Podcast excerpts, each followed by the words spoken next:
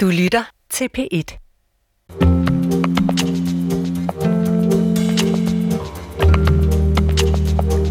Klokken er tidligt om morgenen, og jeg kan ikke sove på grund af fortsat jetlag, tror jeg, og tidsforskel mellem Danmark og New York. Når søvnen ikke vil indfinde sig, kan man jo altid stå op og arbejde lidt. Jeg har været i gang med at læse igennem, hvad folk har skrevet på Facebook. Professor i psykologi Svend Brinkmann brugte en del af sin rejse til New York på at forberede Rosenkær-serien om det meningsfulde liv. Med en lille diktafon i lommen og en PC under armen undersøgte han blandt andet, hvad selvet er i en by, hvor det at være nogen fylder rigtig meget. Han lagde emnerne ud på Facebook og opfordrede folk til at sende ham spørgsmål og meninger, og dem vender vi tilbage til lige om lidt.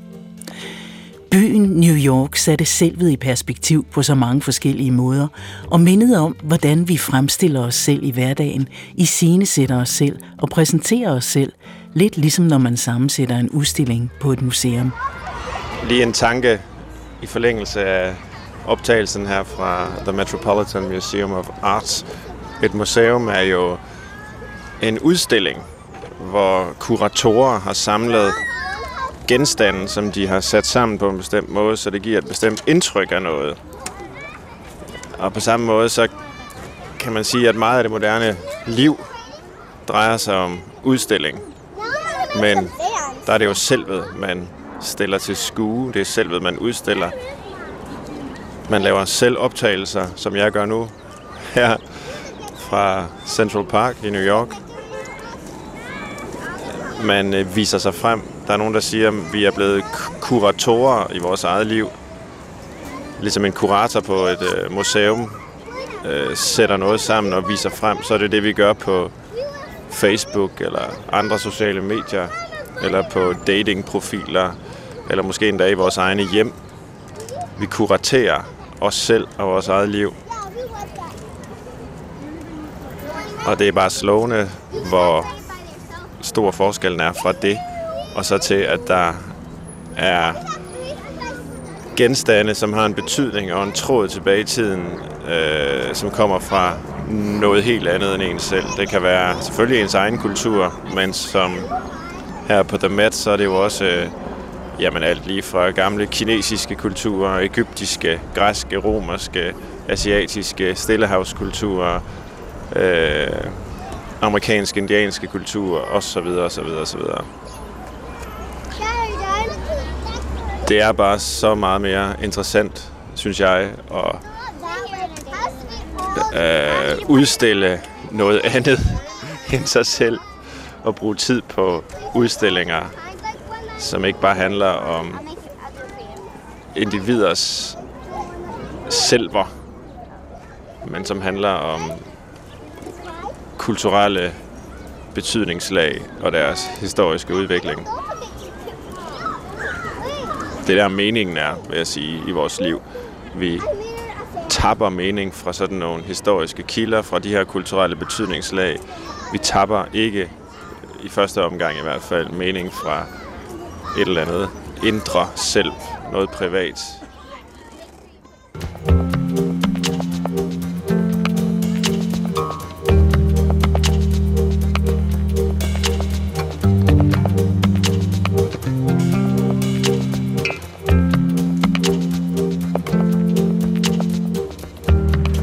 Et af de temaer, jeg er optaget af her, det er jo selvet. Og jeg skrev på min øh, Facebook-profil, eller som status, øh, det næste tema er selvet. Hvad er et selv? Hvorfor taler vi så meget om at finde og udvikle selvet i de her år? Mange her i New York, hvor jeg er, virker umiddelbart selvoptaget. Er det mon amerikanerne, der har opfundet selvet og solgt ideen til os? Men vi har selvfølgelig vores egen Søren Kirkegaard. Hvilke spørgsmål om selvet bør jeg arbejde med? Øh, det var det, jeg skrev på Facebook. Og det var selvfølgelig øh, med et glimt i øjet, at jeg prøver at kontrastere amerikanernes idé om selvet, som, som vi jo sådan set har overtaget, hvor, hvor selvet er øh, nærmest blevet en form for vare, øh, som vi skal optimere og udvikle, realisere og måske sælge til andre sælge på markederne for arbejde og for kærlighed. Og så øh, modsat det, vores nationalfilosof Søren Kierkegaards kan man sige, noget mere alvorlige, øh, teologisk og filosofisk funderet idé om, hvad et selv er. Men så havde jeg også sat et billede ind på Facebook der, øh, af et tilfældigt cover fra et amerikansk livsstilsmagasin, der bare hedder Self, altså selvet, hvor nogle af overskrifterne øh, på det her cover, det er Make yourself happier, four steps to more joy. Altså, gør dig selv lykkeligere, fire trin til mere glæde. Men den allerstørste overskrift på øh, forsiden af det her Self-magazine, det er Flatten your belly. Altså få en flad mave. Der kan man åbenbart øh, øh, øh, øh, lave nogle øvelser, så ens mave bliver øh, flad. Og der er en kvinde, der står på forsiden der og ser øh, ud som om hun har en meget flad mave.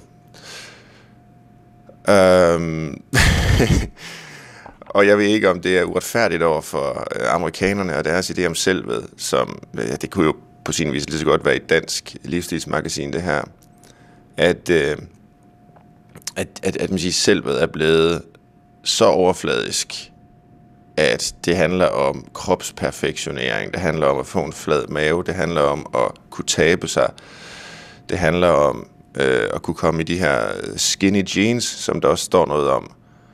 Øh, og så også om, om at blive happier. Make yourself happier. Four steps to more joy. Det var en god idé at inddrage Facebook-flokken. Masser af mennesker kastede tanker op i luften og engagerede sig i emnet. Og så var der en i Facebook-tråden, der mente, at, øh, at jeg skulle tage følgende op. At alle mennesker i dagens Danmark burde fokusere på at være dem selv, og ikke tænke på at ændre sig til det kropsideal, medierne hypnotiserer dem til at være. Der er jo ingen, der er perfekt, men alle er fantastiske på hver deres måde. Og det var måske noget, som skribenten kom til at tænke på, fordi jeg netop havde sat det her livsstilsmagasin ind. Men øh, ja, og, og det er jo en meget sympatisk tanke, men som, som jeg opfatter den, er øh, jeg sige, en del af den samme ideologi om selvet. Hvad er det at være sig selv? Hvordan kan man fokusere på at være sig selv? Hvordan ved man, man er sig selv? Det er et spørgsmål, der har optaget mig en hel del, og jeg er ikke sikker på, at man kan vide, om man er sig selv, alene ved at se ind i sig selv. Øh, en anden skriver, hvordan har selvet og dets formål udviklet sig gennem tiden? Var der samme fokus på det for 100 år siden eller i antikken? Det er et rigtig godt spørgsmål, og noget som historikere, filosofer og alle mulige forskere har været optaget af, netop fordi vores begreb om selvet er så stærkt i den moderne tid, så vil vi gerne vide om, om det er et universelt begreb, eller om det er et historisk specifikt begreb, og kulturelt specifikt begreb, vi har om det. Og det er det nok, øh, i hvert fald også. Øh, jeg ved godt, at øh, man i Grækenland for 2.500 år siden havde Apollons tempel, hvor man kunne ind og tale med guderne, hvor der stod Gnotis e Auton på græsk. Det betyder kendt dig selv. Men øh, det selv, man skulle kende i det gamle Grækenland, det var altså ikke det her med den flade mave og det lykkelige selv, eller den unikke konfiguration af kompetencer, som jeg er, eller som vi alle sammen forestiller os, at vi alle sammen er, som vi skal komme i kontakt med at udvikle.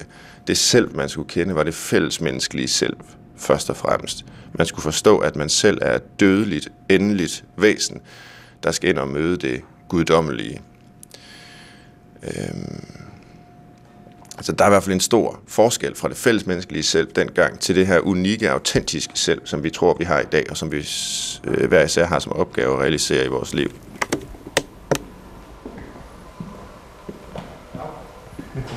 Velkommen til. Ja, tak for det. Til det, ja. Ja. Det var dejligt, du ville komme. Jamen, det manglede bare. Og tale jeg er været spændt på at hilse på dig. Vi har aldrig mødt hinanden. Nej, det har vi nemlig ikke. Men jeg har længe ønsket mig det. Ja, i lige måde. I lige måde da. I lige måde. I allerhøjeste grad. Til at hjælpe med undersøgelsen af selvet inviterede Svend Brinkmann også den tidligere biskop i Aarhus, Kjeld Holm, til en samtale. Men du skal snakke med andre også, ikke? Du skal... Eller hvordan? Jo, jeg har talt med i dag faktisk Niels Malbros. Nå. Hjemme, ja. hjemme hos ham. Og så har jeg talt med Susanne Brøndert og Josefine Klovgaard og Jørgen Let.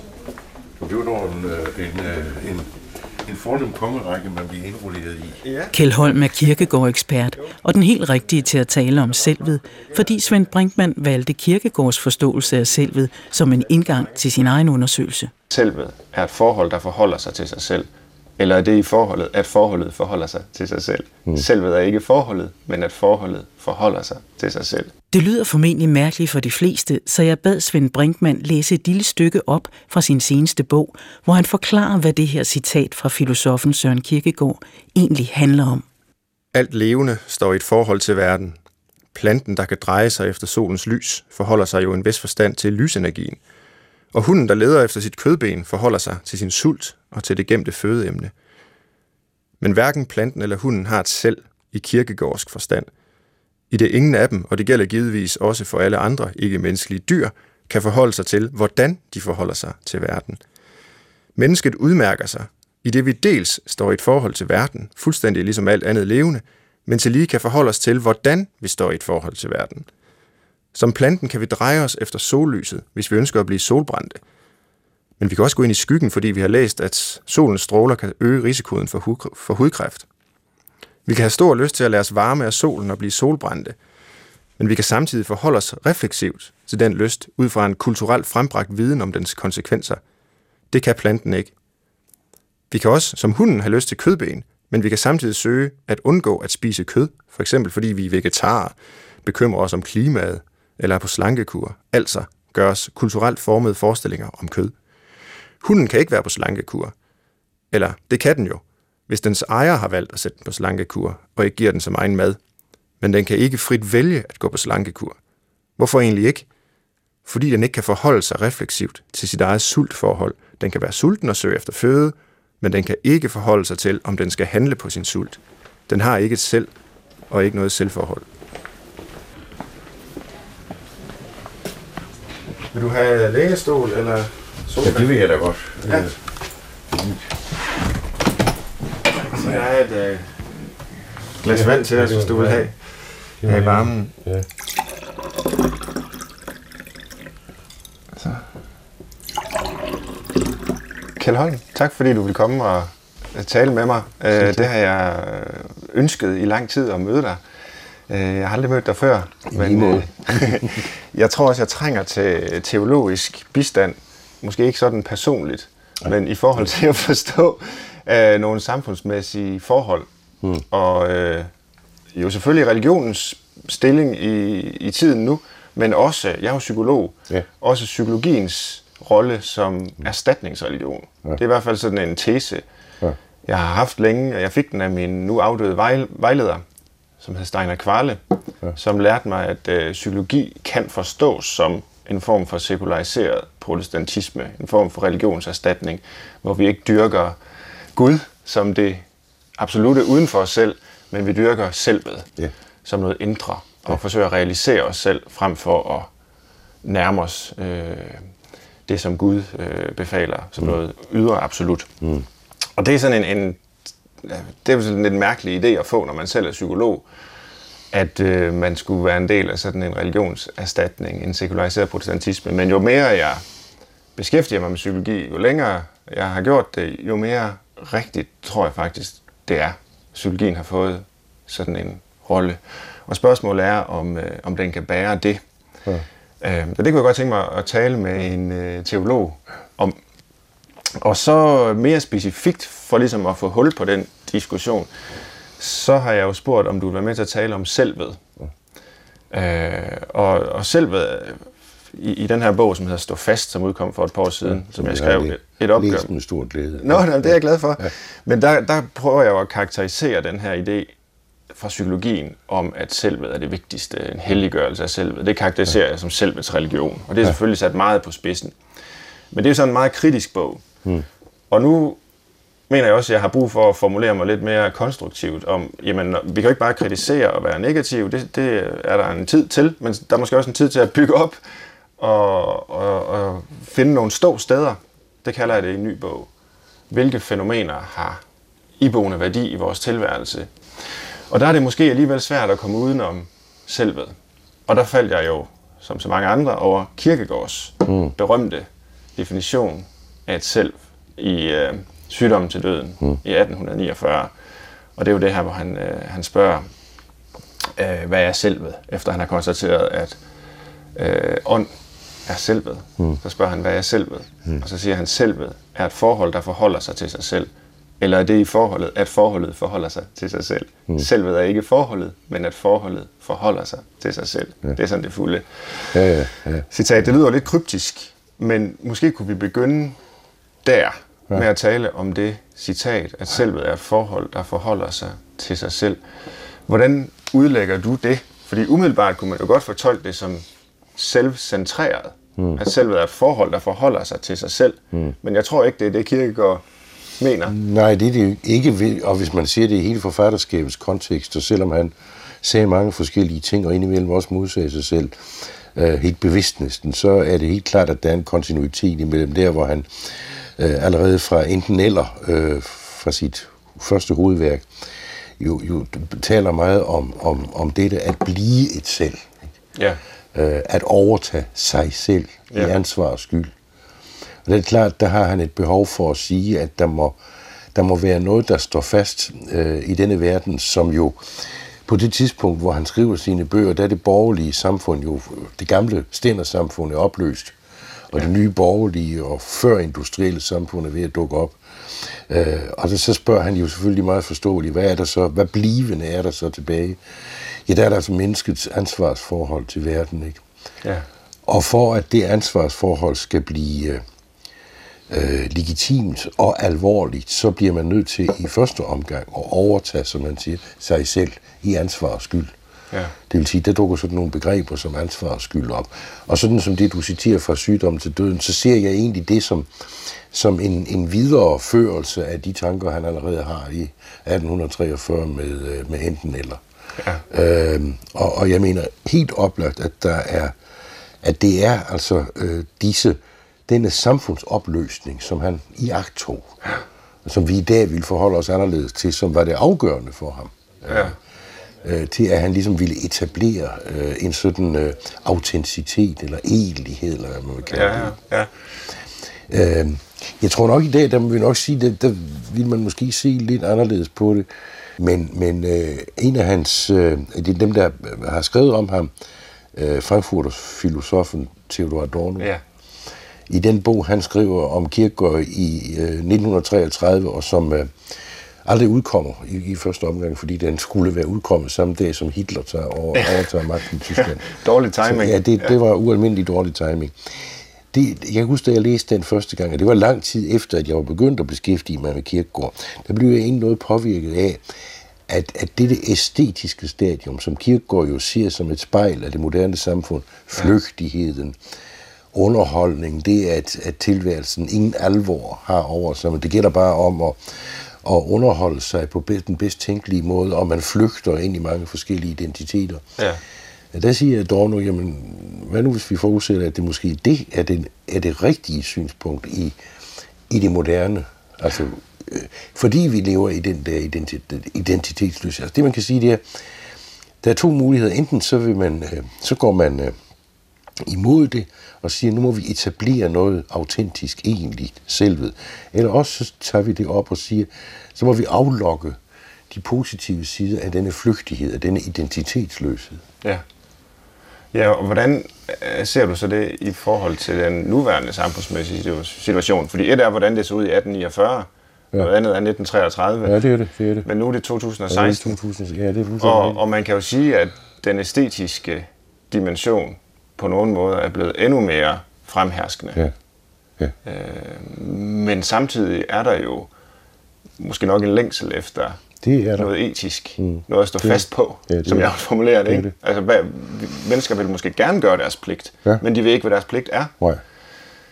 Men der tror jeg, vi skal sige det dobbelt. Jeg tror, på den ene måde må man vedkende sig i denne flygtende øh, og flyvende, flydende identitet. Ja. På den anden side set skal vi sige, at selv når det er allermest flydende og flygtigt, så er det jo stadigvæk mig. Det er stadigvæk mig, der er i verden og bevæger mig rundt i verden. Og det vil sige, selv i denne flygtighed og denne identitetsløshed må der være et eller andet krav om en, om du vil, et ansvarsforhold til verden. Øh, en, øh, en, en etisk et etisk krav om at uh, tage vare på de liv, som er midt i, den, i de sammenhænge, som jeg indgår i. Det tror jeg, der tror jeg, Kirkegaard holder vand. Der tror jeg, det holder stik endnu. Og Svend Brinkmann holder også fast i sin modvilje over, at så mange af os vælger at se indad i stedet for udad. I bogen Stå fast tager han så stærkt afstand fra selvfixering, selvrealisering og selvkærlighed, at man må blive nysgerrig efter, hvor det stammer fra. Det er faktisk et godt spørgsmål. Jeg tror, jeg er opdraget til, at man sådan helt banalt skal tænke på andre. Man skal helt banalt ikke bare gøre, hvad man har lyst til hele tiden. Man skal i hvert fald som minimum overveje, om det, man måtte have lyst til, er i orden. Hvad vil det betyde for andre mennesker, hvis jeg gør det, jeg har lyst til? Det er ikke, fordi det er forbudt at gøre, hvad man har lyst til. Man skal bare altid have en opmærksomhed på lystens kvalitet, kan man sige. Sådan er jeg bare opdraget. Om det skyldes, øh, ja, det kan man jo hurtigt romantisere og sige, mine, mine, mine forældre og, og, og deres forældre og hele familien der kommer fra, øh, jamen, forskellige småbyer og så videre rundt omkring i, i Jylland. Øh, men men jeg, jeg ved egentlig ikke, om det har noget med det at gøre. Jeg tror lige så vel, man kan få den øh, mentalitet ved at vokse op på, på Stenbroen øh, i, i København. Øh, jeg tror, det er noget, der, der knytter sig til mange øh, forskellige øh, familier og familietyper, men, men det er jo helt klart noget, som, som har knyttet sig til min. Og alligevel er, som man har kunne høre her, selvet stadig noget, der optager psykologiprofessoren og er med som et holdepunkt, et ståsted i hans bog om ståsteder i tilværelsen. Selvet, det er jo et ord, som bliver brugt rigtig meget i vores tid, at man skal udvikle sig selv, man skal realisere selvet. Øhm, det er ikke så meget i den forstand, at jeg mener, at selvet er et ståsted. Det er mere, når selvet, som det for eksempel øh, findes hos Kirkegård, bliver et begreb, der handler om, at vi kan forholde os til os selv. Øh, og det, at vi kan forholde os til os selv, det er jo så en forudsætning for, at vi overhovedet kan have ansvar for noget. At vi overhovedet kan forstå, at der er noget, vi har pligt til. Øh, at der overhovedet findes nogle fordringer, vi skal leve op til i vores tilværelse. Uden et selv, jamen der er vi jo bare som kan man sige, de andre dyr, der bare er i et forhold til verden. Det er vi mennesker også, men vi kan også forholde os til, hvordan vi forholder os til verden. Og det Øh, det er jo det, selvet betyder. Og så tilbage til samtalen mellem Kjell Holm og Svend Brinkmann. En samtale om selvet, som Kirkegård så det, og formuleret lidt mystisk som et forhold, der forholder sig til sig selv. Et sted skriver Søren Kirkegård også, at det forhold er sat, og det er her, vi glider ind i samtalen igen. Jeg udlægger det jo sådan, at øh, mennesket er i Kirkegårds øh, forstand et åndeligt væsen. Det ja. vil vi måske også bruge andre ord om nu i den udstrækning, vi ikke bare er et umiddelbart forhold til verden, vi er ikke bare et forhold til verden, men vi forholder os til, hvordan vi forholder os til ja, verden. Ja. Det vil sige, at vi, vi, kan, vi er refleksive. Ja. Og det betyder også, at vi kan være moralsk ansvarlige. Ja. Øh, og han siger så, at forholdet er sat af noget andet end det selv. Ja. Og det er jo så i Kirkegaards, øh, ud fra Kirkegaards perspektiv, der er det Gud, ja. der har sat forholdet. Ja. Og nu øh, fra psykologien, der er vi jo ikke så så glade for at drage Gud ind. Vi vil helst mm. forklare tingene øh, uden Gud. Øh, og, og der kan, kan man jo sige, jamen forholdet er måske snarere sat af en øh, dannelsesproces, ja. en socialiseringsproces. Sådan helt øh, konkret, ikke? at det mm. lille barn bliver født og endnu ikke et selv, mm. men bliver et selv, ja. fordi det opdrages, ja. Øh, bliver ført ind i fællesskab og lærer at forholde sig til sig ja. selv. Ja. Mener du, det er en rimelig brug af kirkegårds Det synes jeg, det er. Syn på selvet? Det synes jeg. Men der sekularisere det på ja, den måde. Jo, men der er en afgørende ting, vi skal have med et ja. eller andet sted. Øh, og, og nu, øh, hvad hedder det, stillede du og stiller i din bog nogle, nogle, nogle skarpe spørgsmål til, til psykologien, til dine fagkolleger. Jeg vil sige, der er en, som jeg har lært, skal vi sige, øh, at læse Kirkegård på en bestemt måde af, selvom Kirkegård ikke indgik Øh, det var Henrik Poulsen i hans bog om Guds kærlighed og menneskenes. Ja, og han var psykolog. Og han var psykolog. Ja, ja. Men der siger han jo, at den socialiseringsproces, den på en eller anden måde, hvis den skal være vellykket, hvis vi kan bruge det udtryk, så skal den jo indbefatte noget mere end det, vi kalder dannelse. Altså det der med, at vi lærer at gå og skrive og, ja. og så videre, så videre. Men at dannelsen på en eller anden måde også har at gøre med begrebet kærlighed. Ikke? Mm. Øh, barnet dannes, fordi dets forældre elsker det, forhåbentlig. Ja. Øh, eller bedsteforældrene. Øh, at, øh, at, at der er, den dimension skal med i en dannelsesproces. Øhm, og, og, og, og der har vi et problem, hvis alt bliver overfladet, og det vil sige, hvis, hvis kærligheden bliver æstetik, nydelse og så videre igen, men ikke ja. forpligtelse. Øh, men, men selvfølgelig modsiger det ikke hinanden, for man har også lyst til at elske ja. øh, sine børn, ikke også? Øh, ja. Ellers kunne man heller ikke holde dem ud, som Møllehave siger. øh, men, øh, men, men, men der lærte Henrik mig meget, altså, at i den dannelsesproces, i den insocialisering i samfundet, der spiller altså et sådan et begreb som kærlighed, man kunne sige tillid og så videre. Alle disse ja. Fundamentale begreber er en helt afgørende rolle, ja. for hvis et menneskeliv skal lykkes. Ja. Og det er lige præcis de øh, fænomener, øh, som jeg er på jagt efter, i, i min søgen efter øh, ståsteder det er det, som ligesom det her, den her programserie har ja. som omdrejningspunkt. Ja. Det er at sige, hvis vi skal stå fast, så må vi spørge på hvad. Ja. Og hvis der er noget, som er værd at stå fast på, jamen så må det være det, som er meningsfuldt, som er menneskeligt, som er etisk. Men hvad er så det, og hvordan kan vi begrebsliggøre det? Ja. Øh, og, og, og selvet her bliver, som jeg ser det på den måde, øh, jamen, i hvert fald hos Kierkegaard, som forholdet, der forholder sig til sig selv, det som gør, at vi kan ja, netop forholde os til det vigtige, forholde os til ståstederne. Ja. Men det er jo en helt anden, hvad kan man sige, ikke teori, men det er et andet syn på selvet, ja. end når vi ser, hvordan begrebet bliver brugt i dag. Folk ja. taler om selvudvikling. Ja, ja, ja. Vi skal have selvværd. Ja, man skal have selvtillid. Ja, ja. Der, man skal også have selvkærlighed. Ja, ja. Alle de ting. Ja, ja. Det er sådan, vi ser på selvet måske. Ja. Hvordan vil, øh, ja, hvordan vil du, hvordan vil Kirkegård må forholde sig til, ja, det tror jeg, den tilgang til selvet der. Altså, jeg tror, at går ved rulle hele sit øh, sarkastiske øh, vokabulær øh, ud. Ikke? Det, det er jeg ingen tvivl om, fordi det vil for ham være en, en fejlsporing af, hvad selvbegrebet er.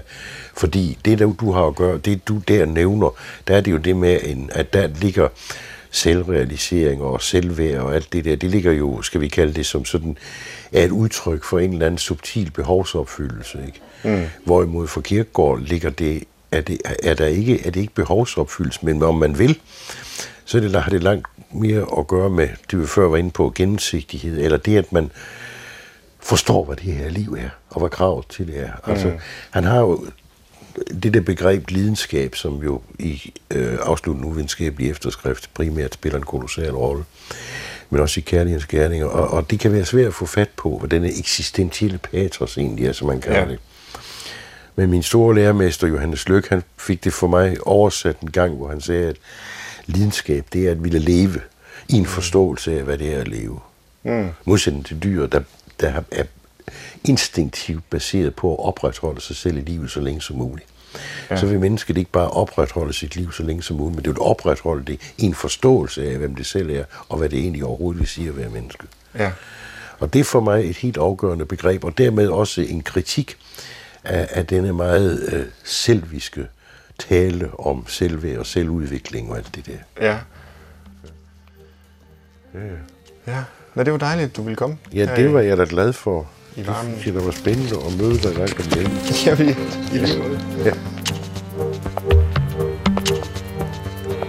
En lille undersøgelse af selvet, som i denne optik ikke handler om, hvordan man kan optimere, elske og realisere sig selv, men om, hvordan man er menneske i verden. Om at se udad mod andre mennesker, og ikke ind mod et indbildt centrum, som skal dyrkes og udfoldes. Så kan det blive et meningsfuldt ståsted, ifølge Svend Brinkmann, Kjell Holm og Søren Kierkegaard. Det næste program i Rosenkær-serien handler om døden. Jeg hedder Annie Kjær.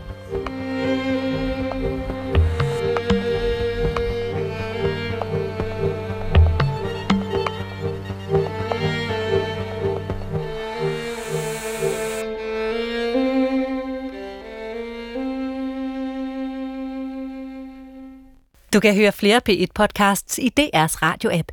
Det giver mening.